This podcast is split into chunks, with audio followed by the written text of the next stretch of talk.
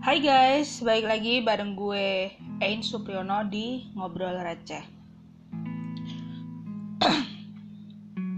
Wait ya guys, gue agak apa Abis makan siang ya. Uh, Jadi emang suara gue rada-rada kayak kenyang bego gitu. Oke okay, gengs, hari ini gue akan sharing sama kalian tentang uh, aplikasi apa aja sih yang bisa dipakai untuk uh, kerja di rumah gitu ya. Jadi di podcast gue kerja di rumah, why not gitu ya.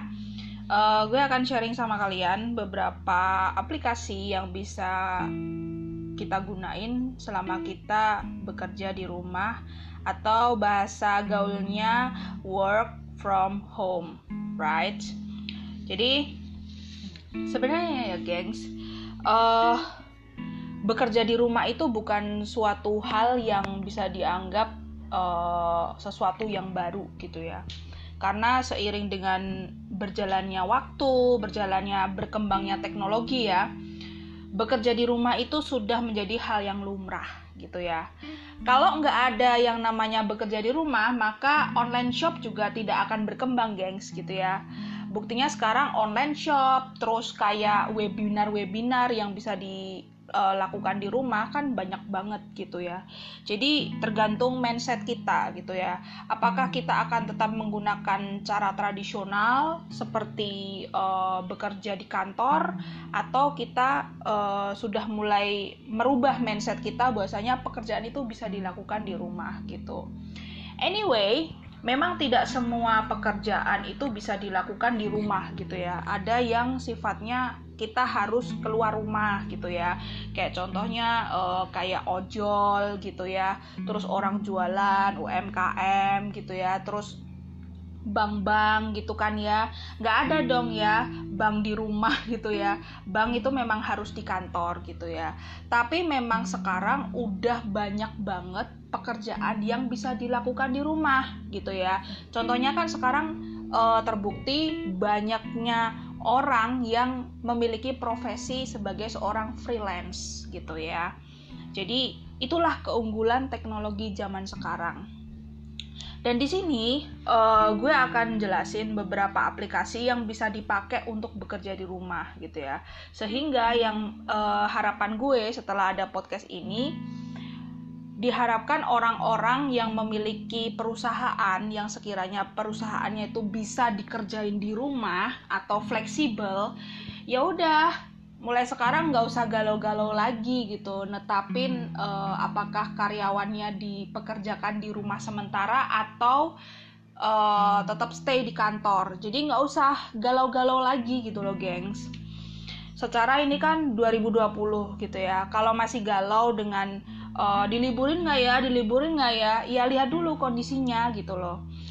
Oke okay. Uh, sekarang gue mau jelasin beberapa aplikasi. Yang pertama adalah WhatsApp. Atau kalau orang plus 62 bilangnya WA WA WA lo berapa sih? WA lo berapa sih? Nah itu WA itu adalah singkatan dari WhatsApp gitu ya.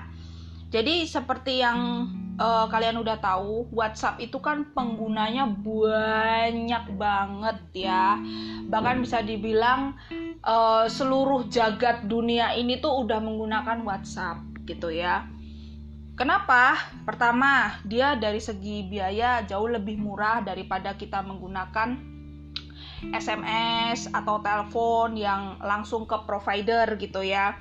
Jadi uh, WhatsApp tuh jauh lebih murah, terus lebih fleksibel juga. Dan uh, seperti yang kalian udah tahu, WhatsApp ini kan ada fasilitas telepon, ada tel uh, fasilitas video call atau visi lah ya. Kalau bahasa gaul sekarang tuh namanya visi. Lo punya visi nggak? Lo punya VC nggak? Jadi uh, apa?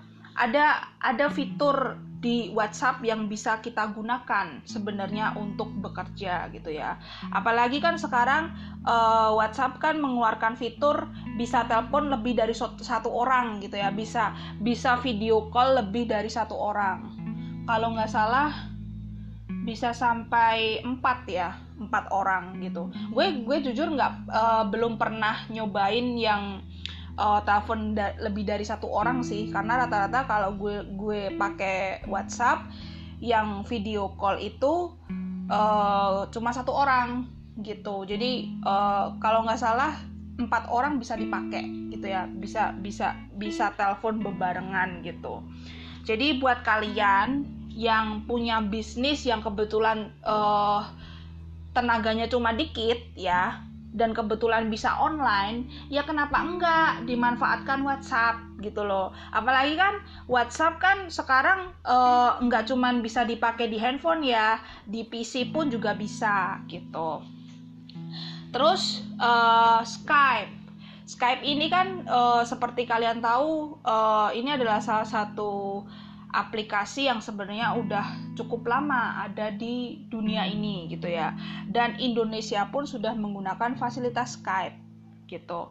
Dan uh, Skype ini sendiri memang dikembangkan dari tahun 2003. Gue pernah pakai Skype dan memang ini fleksibel banget, gengs gitu. Jadi uh, lo bisa chat di situ ya, lo bisa chatting di situ, lo juga bisa pakai uh, video callnya langsung ya kalau orang bilang sih yuk kita skypean gitu ya. Skypean kan berarti bisa uh, video call juga gitu ya.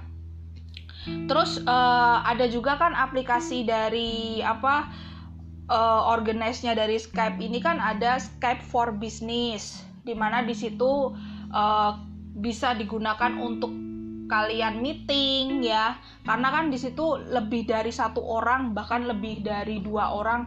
Pokoknya uh, bisa memuat banyak orang. Jadi kalian tuh bisa meeting di situ gitu loh. Kalau kalau kalau zaman dulu kan meeting kan harus ketemu di kantor harus duduk bareng gitu ya. Terus ada bosnya ada staff-staffnya ada karyawan-karyawannya gitu ya. Nah sekarang mah meeting bisa di mana aja gitu loh.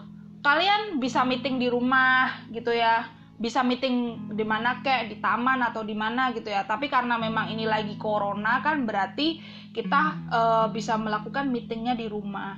Jadi kalian tuh nggak usah ribut gengs. Nggak usah khawatir. Ntar begini ntar begitu. Ya tergantung kebijakan kalian aja gimana gitu loh. Dan komitmen kalian sama pegawai-pegawai kalian gitu. Terus ada lagi uh, aplikasi Slack.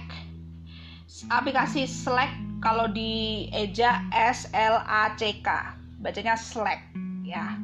Kalau orang Indonesia bilangnya Slack jadi aplikasi ini tuh dikembangkan tahun 2013 oleh Slack Technology. Jadi uh, ini tuh uh, aplikasi yang bisa digunakan untuk bekerja di rumah juga, gengs gitu. Karena biasanya ya orang-orang freelance uh, yang kerja di rumah itu juga ada yang menggunakan aplikasi ini gitu. Kenapa bisa menggunakan alternatif uh, aplikasi Slack? Ya ini tuh bisa digunakan untuk uh, mengirim pesan real time gitu ya. Terus bisa juga dipakai untuk melihat kinerja kinerja performa e, bekerja kita hari ini tuh gimana gitu ya. Jadi bisa memantau lah gitu.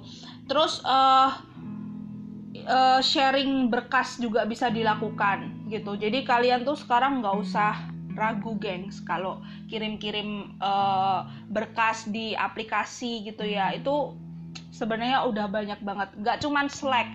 Uh, aplikasi yang lain kayak WhatsApp itu kan bisa buat kirim berkas juga kan gitu. Terus uh, ada Gmail juga. Sekarang tuh oh my god teknologi tuh udah banyak banget gitu. Jadi kalian jangan berpikir hanya gara-gara masalah libur corona ntar takut rugi atau gimana gitu ya. Semua bisa digunakan karena ada teknologi itu sendiri. Terus uh, aplikasi Slack ini bisa uh, diintegrasikan dengan beberapa aplikasi seperti Google Drive, Blogger, Twitter. Jadi kalian tuh nggak usah bingung gitu loh. Kalian mau kirim uh, berkas di mana aja asalkan aplikasi itu support ya why not gitu loh. Terus ada lagi uh, ini gue bilangnya Toggle atau Toggle ya. Pokoknya ejaannya tuh T O G G L bacanya toggle ya pokoknya apalah itulah whatever uh, you say yang pasti uh, aplikasi toggle ini itu kayak semacam ada fitur time trackernya. Jadi uh, misalnya nih lo mau kerja mau ngerjain ini ntar ada time trackernya gengs gitu.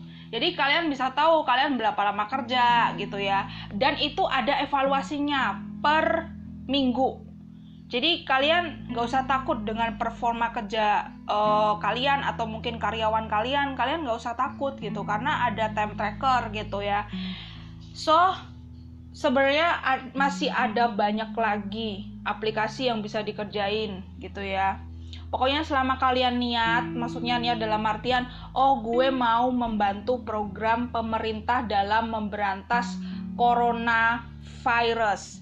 Ya udah gitu, asalkan kalian punya niat itu pasti semua jalan terbuka gitu ya. Kecuali kalau kalian masih ada mikir A, B, C, D, E ya itu akan mempersulit diri kalian sendiri.